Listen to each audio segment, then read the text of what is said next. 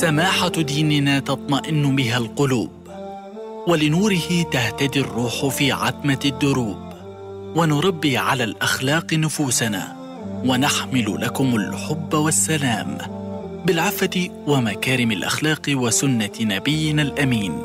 فليتفقهوا في الدين فليتفقهوا في الدين.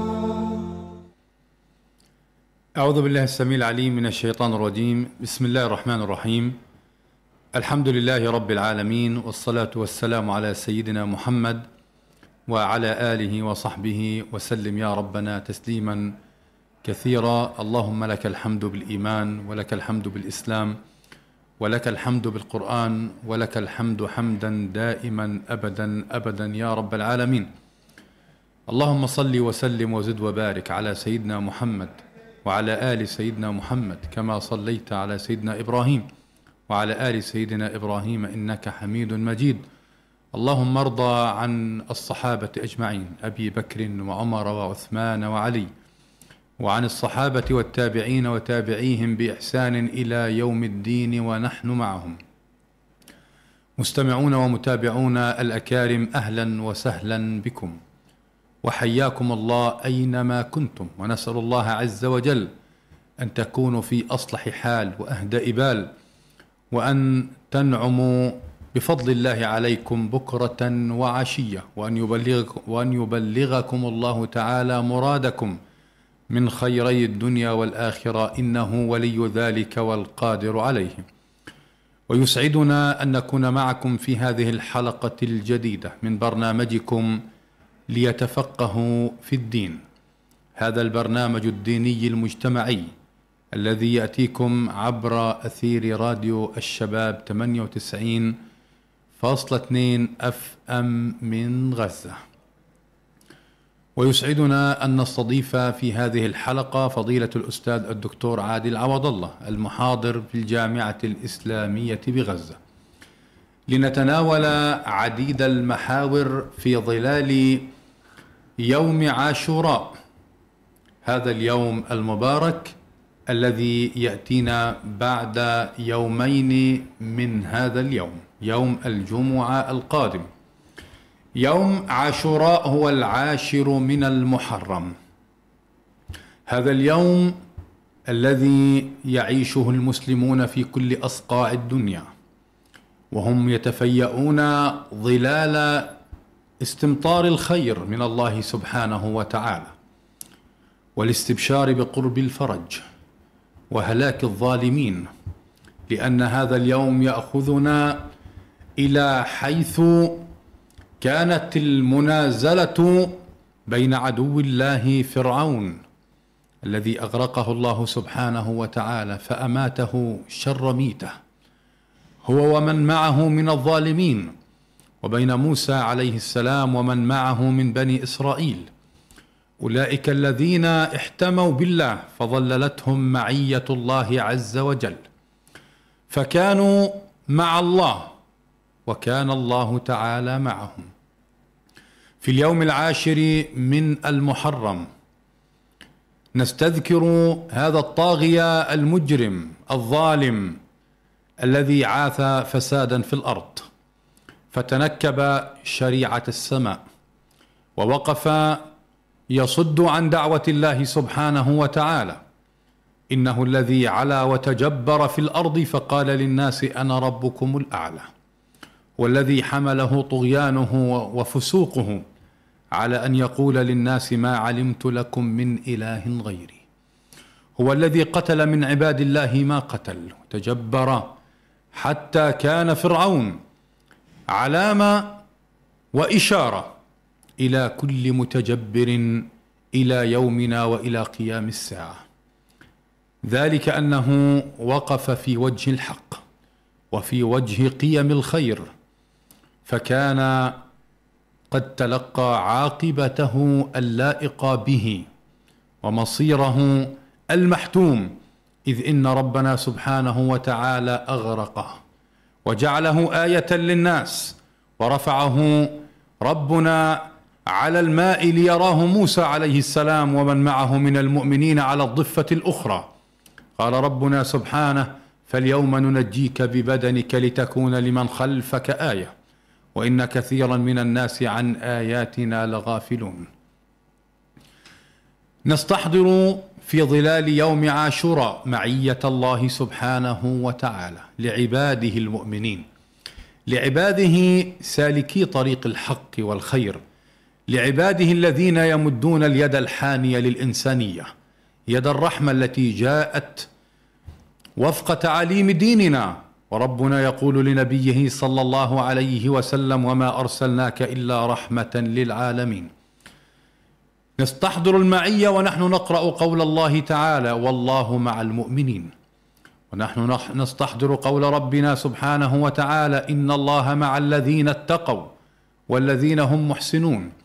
وقول النبي صلى الله عليه وسلم الذي أخرجه الترمذي في جامعه عن ابن عباس رضي الله تعالى عنه احفظ الله يحفظك احفظ الله تجده تجاهك إذا سألت فاسأل الله وإذا استعنت فاستعن بالله واعلم أن الأمة لو اجتمعت على أن ينفعوك بشيء لم ينفعوك إلا بشيء قد كتبه الله لك ولو اجتمعوا على أن يضروك بشيء لم يضروك إلا بشيء قد كتبه الله عليك.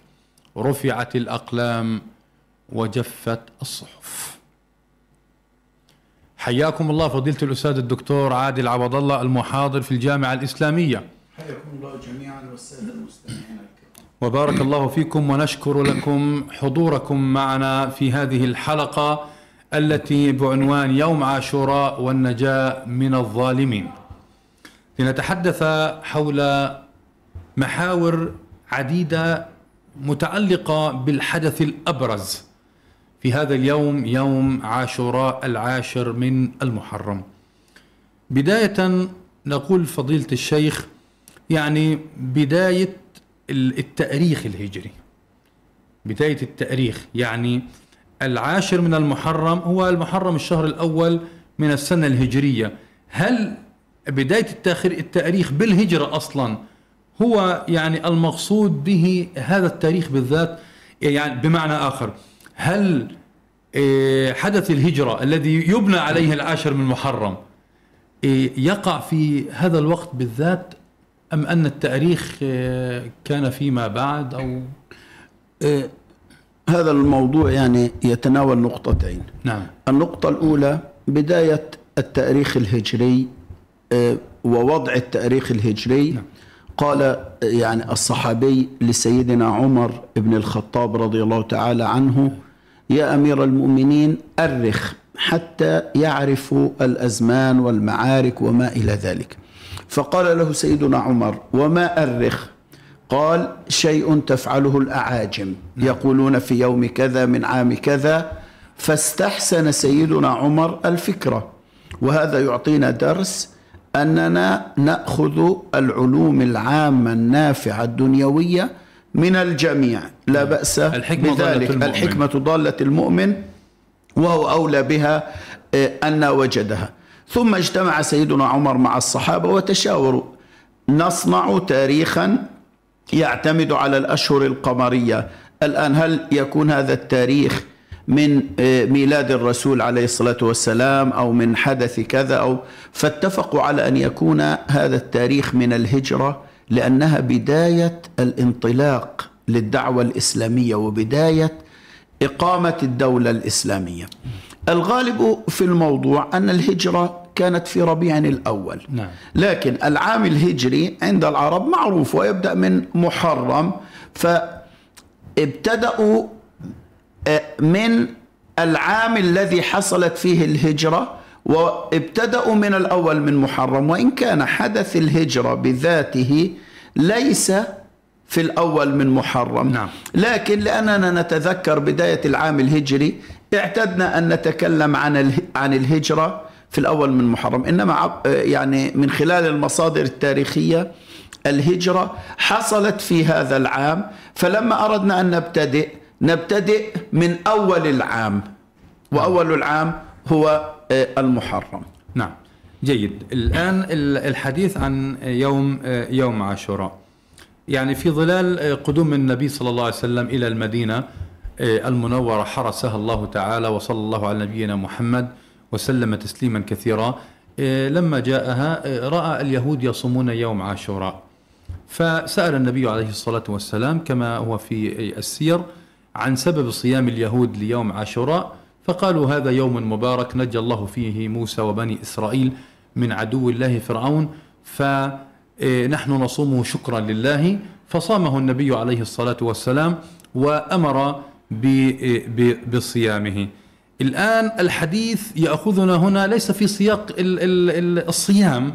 نحن نتكلم إن شاء الله في آخر الحلقة في هذا الموضوع لكن حدث اللي هو إغراق غرق فرعون. ونجاة موسى عليه السلام وبني إسرائيل. لو نقدم يعني في ظلال هذا الحدث لندخل ما بعده إلى يعني ما ظل الله تعالى به موسى وبني إسرائيل من معيته التي هي باقية لمن سار على درب النبوة. اقتضت حكمة الله سبحانه وتعالى أن يوجد المؤمنون والكافرون. والحقيقة كما قال تعالى وما أكثر الناس ولو حرصت بمؤمنين. والكفار للأسف يلاحقون المؤمنين. فالمؤمن بحاجة إلى الحماية وإلى المعية من الله سبحانه وتعالى. والأنبياء أكثر الناس دعوة لله سبحانه وتعالى ويعني لذلك كان الأنبياء كما قال الله تعالى فإنك بأعيننا بعين الله سبحانه وتعالى تحفهم معية الله سبحانه وتعالى. الآن عندما نتكلم عن معية الله سبحانه وتعالى يعني عندما نقرأ في القرآن الكريم كلمة مع سنجد أن هذا اللفظ جاء مقترنا بالكفار وجاء مقترنا أيضا بالمؤمنين. على سبيل المثال نحن نقرأ قول الله سبحانه وتعالى في المنافقين يستخفون من الناس ولا يستخفون من الله وهو معهم إذ يبيتون ما لا يرضى من القول. الآن هو من؟ مع من؟ مع المنافقين. ونقرأ على سبيل المثال في أكثر من موقع آه، مثلا آه، في قصة سيدنا موسى مع فرعون وما إلى ذلك قال إنني معكما أسمع وأرى.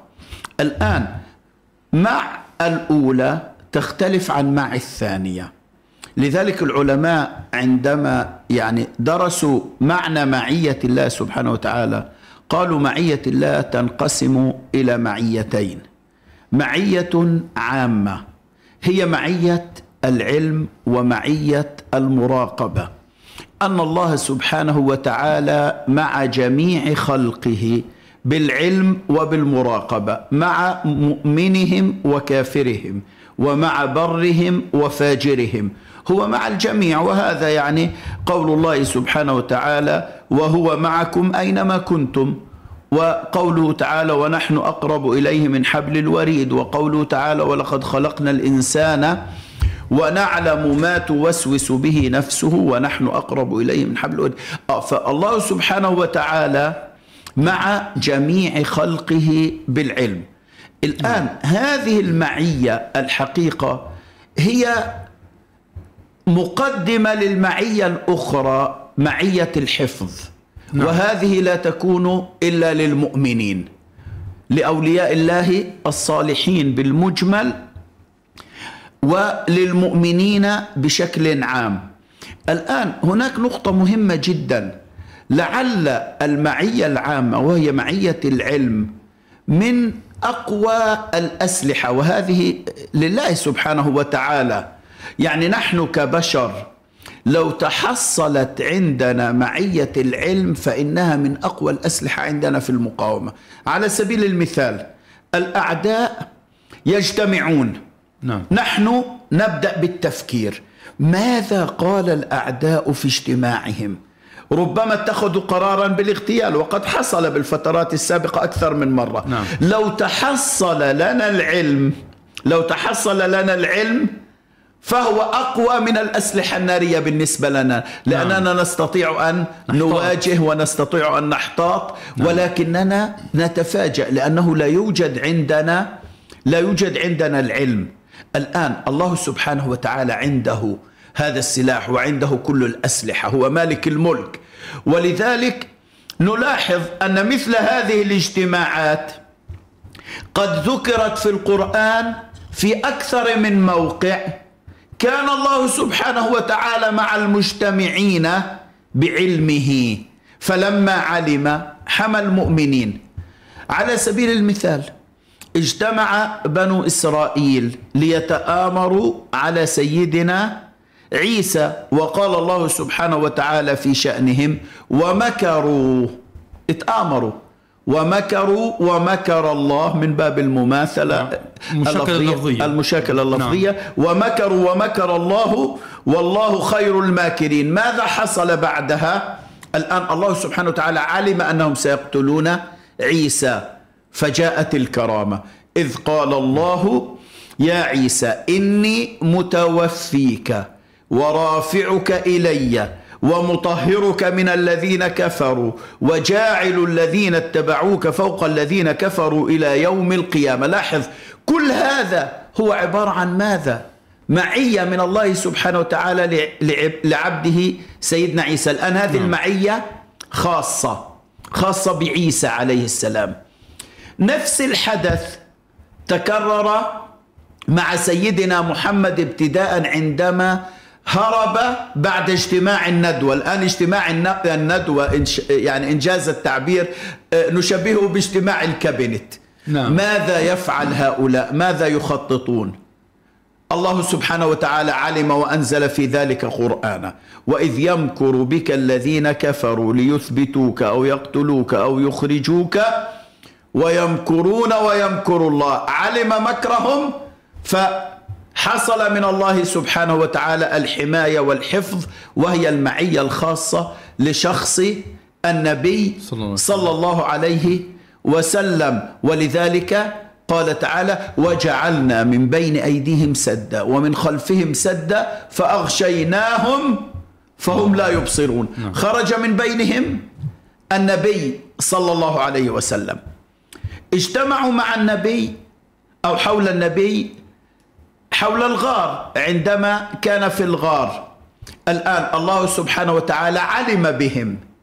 فلما علم بهم وتساءل الصديق للنبي صلى الله عليه وسلم عن الأمر أنزل الله تعالى إلا تنصروه فقد نصره الله إذ نعم. أخرجه الذين كفروا. ثاني اثنين إذ هما في الغار إذ يقول لصاحبه لا تحزن إن الله معنا. نعم. هذه الكلمة العظيمة. الآن لاحظ النتيجة. مش نتيجة واحدة. فأنزل الله سكينته عليه وأيده بجنود لم تروها وجعل كلمة الذين كفروا السفلى وكلمة الله هي العليا والله عزيز حكيم يعني كم من الانتصارات. هذه هي المعية الخاصة معية الحفظ لعباد الله المؤمنين. كلمة واحدة من المؤمن. الآن لاحظ نفس الكلمة تماما تكررت مع سيدنا موسى ونحن الآن نستحضر حدث نجاة موسى نعم في العاشر من محرم. فلما تراءى الجمعان قال أصحاب موسى إنا لمدركون. انتهى البحر من أمامهم نعم. والعدو من خلفهم. ماذا قال سيدنا موسى؟ كلا. قال كلا إن معي ربي سيهدين. آه معية الحفظ. لاحظ سنن الكون كلها تغيرت. فأوحينا إلى موسى أن اضرب بعصاك البحر؟ فانفلق. فانفلق. فكان كل فرق كالطود العظيم. وأزلفنا ثم الآخرين. وأنجينا موسى ومن معه أجمعين. ثم أغرقنا الآخرين. إن في ذلك لآية. وما كان أكثرهم مؤمنين. هنا تجلت معية الله سبحانه وتعالى لسيدنا موسى. الآن لولا أن الله عنده المعية العامة هي معية العلم وهم في الصحراء وفي البحر لكن الله معهم هكذا يجب أن نفهم. نعم. يراقب الحدث وفي اللحظة التي توجه بها سيدنا موسى إلى الله سبحانه وتعالى وقال كلا إن معي ربي سيهدين تغيرت كل سنن الكون. طيب فضيلة الدكتور في قول موسى عليه السلام لما تصايح الناس قالوا يا مو فلما تراءى الجمعان قال أصحاب قال موسى أصحاب إنا موسى لمدركون. إنا لمدركون. قال كلا إن معي ربي سيهدين. الآن أصحاب موسى عليه السلام من المؤمنين يعلمون من هو فرعون نعم بحده وحديده وعتاده وجنوده وما يملك من من أدوات البطش والإرهاب وهم تعودوا عليه على مدار سنوات طويلة وهم يعني يجدون من فرعون وملئه ما يجدون من الآلام والمعانيات الكثيرة. هم كأنهم تيقنوا أنهم ذاهبون إلى الهلاك. ولهذا أكدوا قالوا إن بالتوكيد. لمدركون لا- بالتأكيد. لمدركون وكأنهم قالوا إنا والله لمدركون بلام التوكيد والقسم. لكن موسى عليه السلام الواثق بالله سبحانه وتعالى. يعني قال كلا يعني كلا لن تدركوا. إن أي معي توكيد ربي. توكيد مقابل توكيد. إن معي الذي أمرني. وهنا يعني الإنسان يلجأ دائما إلى أنه مأمور من الله سبحانه وتعالى بالخير. مأمور من الله بالطاعة بالعبادة بفعل آه، القيم الإيجابية في المجتمع وإرسائها وتأكيدها وما إلى ذلك. إن معي ربي سيهدين حتى بأسلوب السين تدخل الفعل المضارع والمبالغة وما إلى ذلك. هذه يعني خليني أقول النفسية المطمئنة رغم أنه كل الناس من حوله يقولون إنا لمدركون. سيصيبنا الهلاك ويصيبنا من فرعون ما يصيبنا.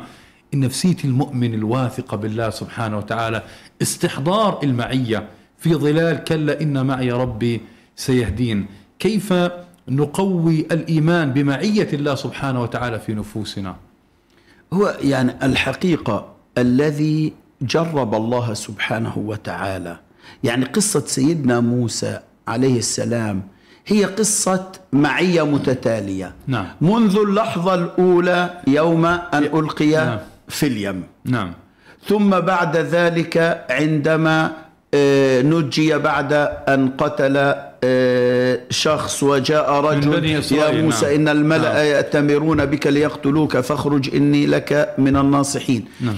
ثم عندما جاء وهارون إلى فرعون وأمر بالتبليغ قال ربنا إننا نخاف أن يفرط علينا أو أن يطغى نعم قال لا تخافا إنني معكما. أسمع وأرى نعم.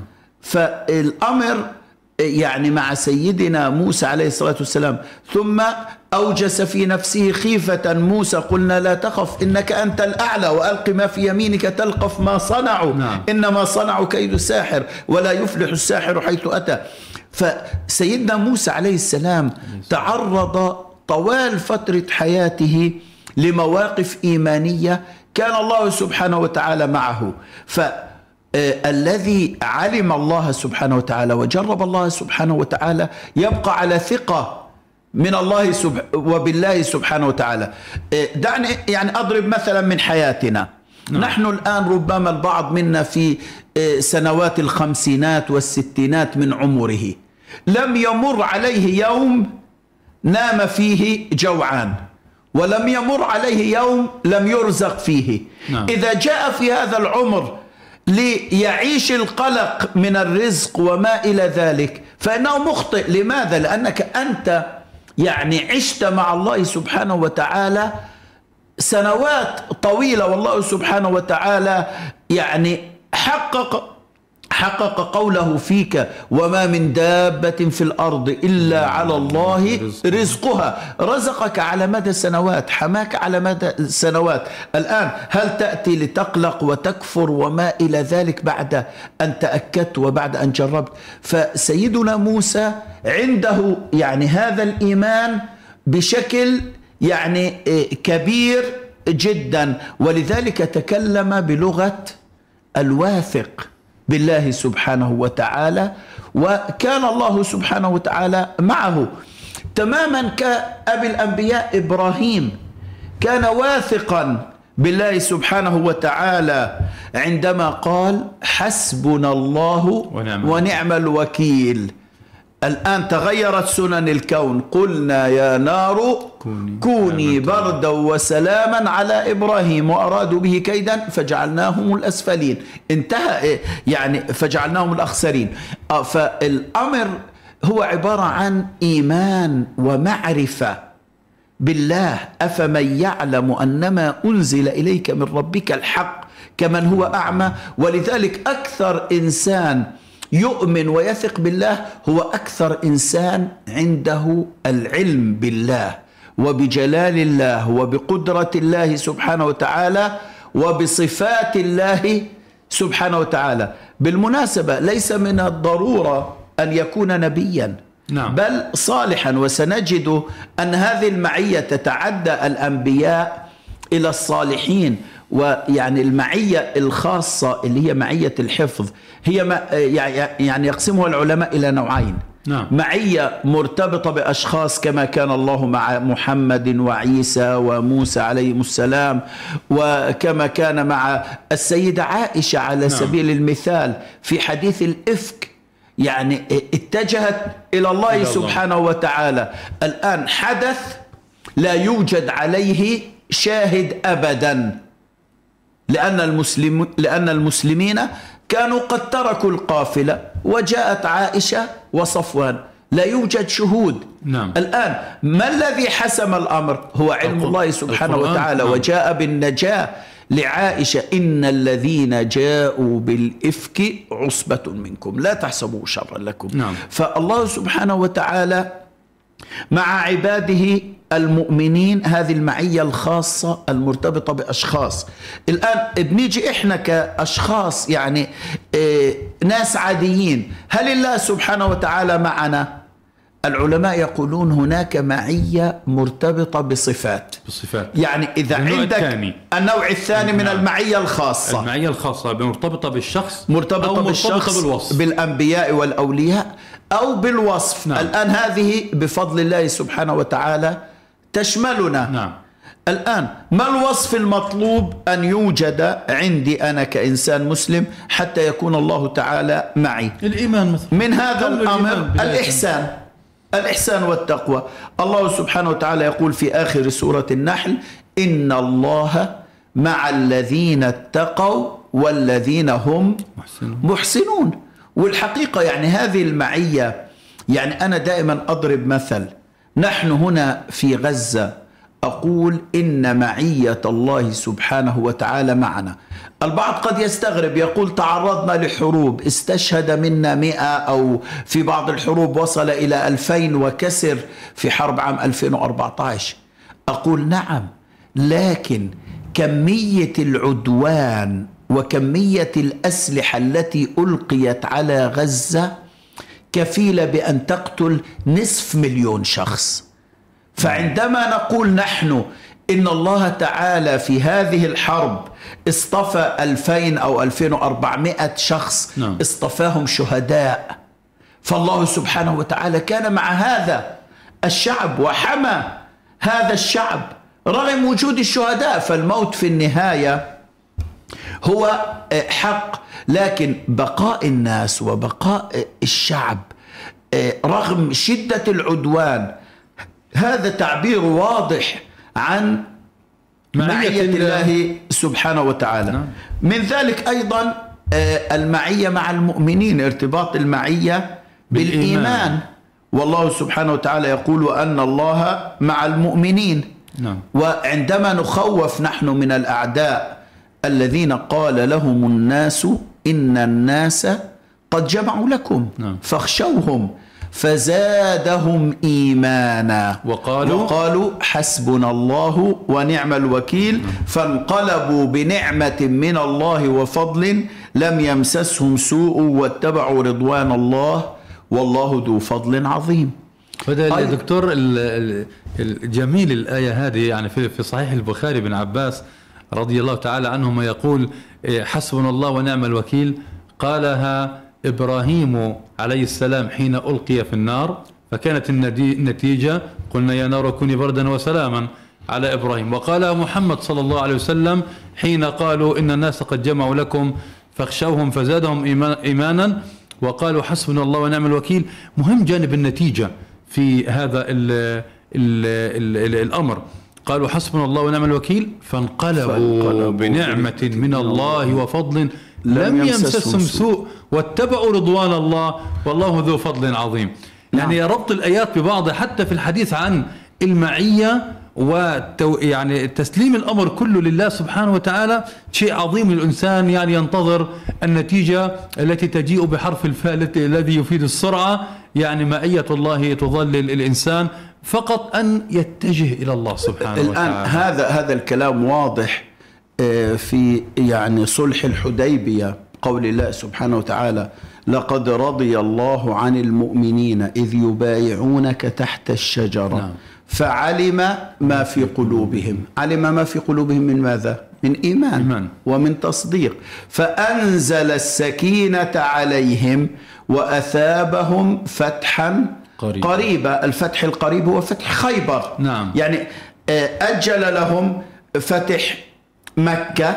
إنا فتحنا لك فتحا مبينا. وجاءهم فتح سريع مباشرة بعد الصلح في السنة السابعة من الهجرة وهو فتح خيبر. ومغانم كثيرة يأخذونها. كانت بشارة بفتح فارس والروم. الآن لاحظ آه، نتيجة علم ما في قلوبهم. جاءهم الأمر كان في السنة السادسة من الهجرة جاءهم في السنة السابعة من الهجرة فتح خيبر نعم. وفي السنة الثامنة الفتح الأكبر فتح مكة, مكة. ثم ما جاء العام الخامس عشر الهجري إلا وقد فتحت فارس وفتحت بلاد الروم نعم. ومغانم كثيرة يأخذونها بشروا بها كل هذا من كلمة إيش علم ما في صدق ما في قلوبهم. نعم. آه. ومن الحقيقة يعني الأسلحة آه الأمور المهمة الصبر. والله مع الصابرين. إن الله مع الصابرين. إن الله مع الصابرين. الصابر. الاثنين. نعم. فيعني موجودة في أكثر نعم. آه من موقع في في القرآن عمران. الكريم. في آل عمران نعم. فإن شاء الله يعني الذي يريد معية الله قريبة. إيمان إحسان عبادات هذا أمر آه، مهم. العبادات والذين جاهدوا فينا لنهدينهم سبلنا وإن الله مع المتقين. إحسان تقوى عبادات مداومة على الصلاة والزكاة. نعم. وقال الله إني معكم لئن أقمتم الصلاة وأتيتم الزكاة.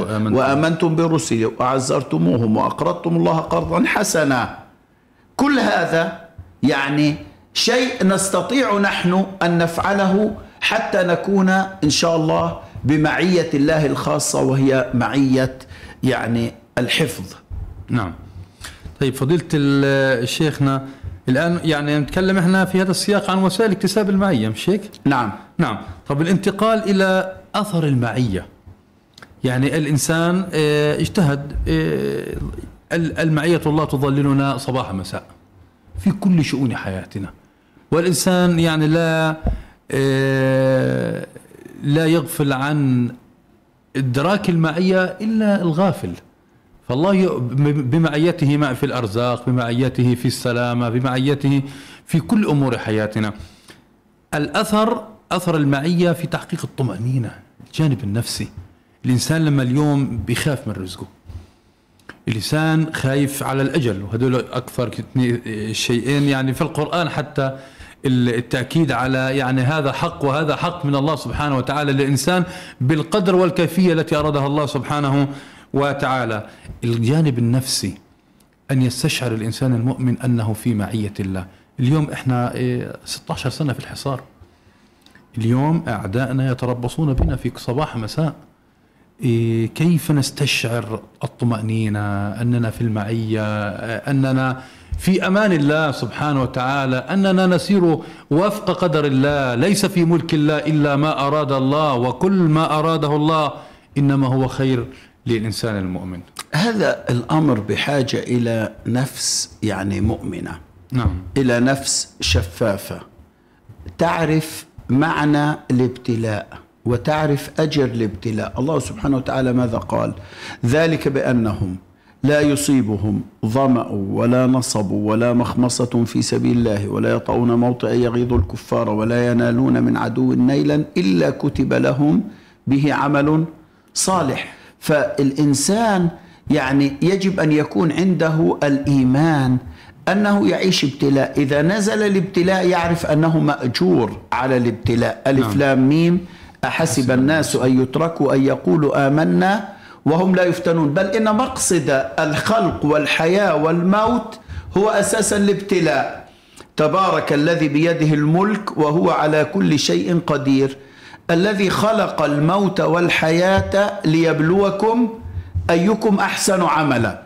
الآن إذا استعرضنا الحقيقة الآيات في آخر آه، سورة طه تلخص هذا الأمر تلخص حال النفس الواثقة بالله القابلة لهداية الله المطمئنة بالله والتي رفضت الهداية. يقول تعالى فإما يأتينكم مني هدى فمن اتبع هدايا فلا يضل ولا يشقى. ومن أعرض عن ذكري فإن له معيشة ضنكا. الآن انحطت قاعدة. فمن اتبع هدايا فلا يضل ولا يشقى. ومن أعرض عن ذكري فإن له معيشة ضنكا. ونحشره يوم القيامة أعمى. قال رب لم حشرتني أعمى وقد كنت بصيرا؟ قال كذلك أتتك آياتنا فنسيتها. بمعنى لم تطبقها لم تقم بها. وكذلك اليوم تنسى وكذلك نجزي من أسرف ولم يؤمن بآيات ربه والعذاب الآخرة أشد وأبقى. ولذلك يعني الإنسان آه، يطمئن بالطاعة. عندما يفعل الطاعة ترتاح النفس. الرسول عليه الصلاة والسلام ماذا قال لسيدنا بلال عن الصلاة؟ أرحنا بها. بها أرحنا بها. يا بلال وفي حديث أنس حبب إلي من الدنيا النساء والطيب وجعل قرة عيني في الصلاة. فالإنسان عندما يعني يكون مع الله سبحانه وتعالى في الطاعة يكن الله سبحانه وتعالى معه بالحفظ والمعية. جميل. أيضا فضيلة الدكتور يعني الإنسان حتى يعني تأتيه معية الله سبحانه وتعالى لابد أن يتحقق فيه القرب من الله. أكيد. يعني إن الإنسان المسلم يق- يقترب من الله سبحانه وتعالى والقرب من الله سبحانه وتعالى يكون بأنواع الطاعات المتعددة. قراءة القرآن ذكر الله سبحانه فاذكروني. أذكركم أذكركم نعم. واشكروا لي ولا تكفرون ولا تكفرون نعم. آه، بالتأكيد هذه يعني هذه المعادلة صحيحة وحديث الرسول أنا عند ظن عبدي بي. عبدي بي وأنا معه حين يذكرني نعم. معه لاحظ نعم. فإن ذكرني في نفسه ذكرته في نفسي وإن ذكرني في ملأ ذكرته في ملأ آه، خير منهم وإن تقرب مني شبرا تقربت إليه ذراعا وإن تقرب إلي ذراعا تقربت إليه باعا وإن أتاني يمشي أتيته هرولا نعم. فنقطة الانطلاق من الإنسان. نعم. أن يتجه. إلى الله لله سبحانه وتعالى. يجد الله غفورا رحيما. ولهذا يعني نشير إلى الموانع. يعني تحدثنا عن عوامل إيه، تكسب الإنسان المعية. هناك أيضا موانع تمنع تحقيق المعية مثل الشهوة وسوء الظن بالله والشيطان و- وما إلى ذلك الاستكبار نعم. ربنا سبحانه وتعالى لا يحب الظالمين ولا نعم. يحب المستكبرين ولا نعم. يحب يعني الطغاة كل هذه مما يبعد الإنسان عن الله سبحانه وتعالى فيفقد المعية. بعدا وسحقا يقال له نعم المال فيفقد المعية. الحرام المال نعم. الحرام يذهب آه، بأجر العمل إنسان بده آه، يتصدق لكن المال آه، حرام بده يحج لكن المال حرام. إن الله طيب لا يقبل لا الا يقبل طيبا إلا طيبة. فبده ينتبه الإنسان لنفسه. نعم. طيب إيه، ننتقل لمحور آخر فضيلة الشيخ. الحديث عن صيام يوم عاشوراء. لا شك أن يعني الصيام بداية كان فرضا. فالنبي صلى الله عليه وسلم لما رأى اليهود يصومون هذا اليوم يوم عاشوراء في إيه، بداية قدومه المدينة حرسها الله تعالى فصامه وأمر بصيامه. فكان صيام عاشوراء فرضا على الأمة ثم لما كان العام المقبل العام الثاني من الهجرة الشريفة نزل صيام رمضان. آه، نزل صيام رمضان فأصبح صيام إيه، عاشوراء إيه، سنة. وفيه حديث النبي صلى الله عليه وسلم الذي يرغب في إيه، هذا. نتحدث عن صيام يوم عاشوراء وموضوع التاسع والإحدى وما إلى ذلك. يعني كما قلت أن الرسول عليه الصلاة والسلام رأى اليهود يصومون وسأل قالوا هذا يوم نجى الله فيه بني إسرائيل من عدوهم فصامه آه، موسى. فقال النبي عليه الصلاة والسلام نحن أولى نعم. بموسى منكم. نعم. فصامه النبي عليه الصلاة, عليه الصلاة والسلام, والسلام. وأمر بصيامه. الآن اليهود بدأوا يتكلمون أن النبي صلى الله عليه وسلم يقلدهم نعم تماما كما آه، يعني الفترة الأولى التي صلى فيها النبي عليه الصلاة والسلام إلى بيت المقدس نعم. وكان اليهود آه، فرحين بهذا آه، الأمر وأنه يصلي إلى قبلتنا حتى يعني تغيرت القبلة نعم. فقالوا يا رسول الله يوم تعظمه اليهود والنصارى. فقال عليه الصلاة والسلام فإذا كان العام المقبل إن شاء الله صمنا اليوم التاسع فلم يأتي العام المقبل حتى توفي الرسول صلى عليه الله الصلاة عليه وسلم. والسلام. لكن سنته عليه الصلاة والسلام آه، باقية. الآن آه، الناس يتساءلون عن أجل صيام هذا اليوم. نعم. روى الإمام مسلم في صحيح عن النبي صلى الله عليه وسلم قال صيام يوم عرفة أحتسب على الله أن يكفر السنة التي قبله والسنة التي بعده نعم. وصيام يوم عاشوراء أحتسب على الله أن يكفر السنة التي قبله نعم. فهذا يعني أمر مهم وفي الحديث أيضا عن ابن عباس قال ما رأيت النبي صلى الله عليه وسلم يتحرى صيام يوم فضله على غيره إلا هذا اليوم يوم عاشوراء. ويعني هذا الشهر يعني شهر رمضان. طبعا صيام رمضان فرض لكن صيام عاشوراء آه، مندوب ويعني يكفر السنة السابقة. نعم. طيب فضيلة الدكتور الآن يعني صيام يوم عاشوراء سنة النبي صلى الله عليه وسلم وكما تفضلتم بذكر حديث النبي صلى الله عليه وسلم أن من صام يوم عاشوراء كفر الله تعالى تعالى له آه، ذنوب سنة ماضية. آه، وأيضا في حديث آه، آخر فيه النهي عن صيام يوم يوم الجمعة. لا يصومن أحدكم يوم الجمعة إلا يوما قبله أو بعده فالعاشوراء في هذا العام يأتي يوم الجمعة المقبل فلو أن إنسانا لم يرد صيام التاسع مع العاشر مثلا ورد صيام العاشر فقط يوم الجمعة منفردا في ظل حديث النهي هذا ماذا نقول؟ إيه، هذا حديث النهي إن يوم الجمعة عيدكم فلا تصوموه إلا أن تصوموا يوما قبله أو يوما بعده هذا حديث صحيح نعم. رواه الشيخان نعم. والمقصود به يعني مطلق الصيام لا يدخل به الصيام المرتبط بمناسبات نعم. محددة طبعا تأكيدا لا يدخل به صيام رمضان نعم. لا يدخل به صيام يوم عرفة ويوم عرفة عندما حج النبي عليه الصلاة والسلام صادف يوم آه، جمعة. نعم. ولا يدخل به صيام يوم عاشوراء. نعم. فيجوز للإنسان المسلم إن أراد أن يصوم يوما واحدا أن يصوم يوم الجمعة المقبل. نعم. وإن أراد أن يستزيد من الخير فصام معه الخميس فيكون يعني قد أكمل يعني تمام السنة لأن الرسول عليه الصلاة والسلام آه، قال فإذا كان العام المقبل إن شاء الله صمنا اليوم التاسع. عادة الناس يصومون الخميس وكل إنسان يعني حسب همته وقربه من الله سبحانه وتعالى. من استطاع أن يصوم الخميس والجمعة فليفعل. نعم. ومن لا يقدر كثيرا على الصيام واكتفى بصيام الجمعة فلا بأس في ذلك إطلاقا لأن هذا الصيام له مناسبة وهو أنه يصادف يوم عاشوراء. نعم. جزاكم الله خيرا فضيلة الأستاذ الدكتور عادل عوض الله المحاضر بالجامعة الإسلامية.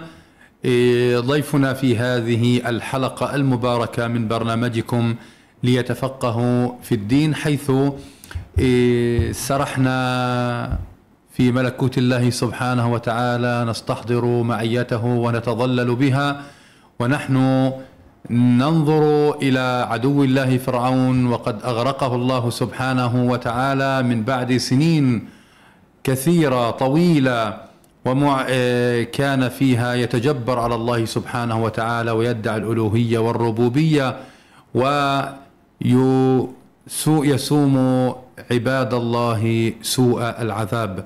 نستحضر في هذا اليوم نجاة موسى عليه السلام ومن معه من المؤمنين لنقول إن معية الله تعالى باقية إن معية الله سبحانه وتعالى خالدة في عباده المؤمنين. ما داموا على الإيمان وما داموا على طريق الحق وما داموا على طريق الخير فإن الله سبحانه وتعالى معهم. ونستحضر في هذا اليوم المبارك يوم عاشوراء أن فرج الله قريب وأن نصره آت آت وكل آت قريب والبعيد ما ليس بآت.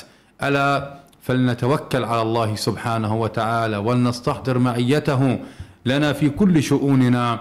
كن مع الله ولا تبالي. واحفظ الله يحفظك وكن مع الله يكن الله معك. في ختام هذه الحلقة المباركة من برنامجكم ليتفقهوا في الدين. باسمكم نشكر فضيلة الأستاذ الدكتور عادل عوض الله المحاضر بالجامعة الإسلامية. ضيف هذه الحلقة المباركة. ولكم كل الشكر والتقدير لهذا الوقت المبارك الذي كنتم فيه معنا. عاطر التحايا على أمل أن نلقاكم يوم الثلاثاء القادم في الساعة الثانية بإذنه سبحانه وتعالى ومشيئته. مقدمة من محدثكم معد هذا البرنامج دكتور محمد كمال سالم. والسلام عليكم ورحمة الله تعالى وبركاته. سماحة ديننا تطمئن بها القلوب ولنوره تهتدي الروح في عتمة الدروب. ونربي على الأخلاق نفوسنا ونحمل لكم الحب والسلام. بالعفة ومكارم الأخلاق وسنة نبينا الأمين. فليتفقهوا في الدين. فليتفقهوا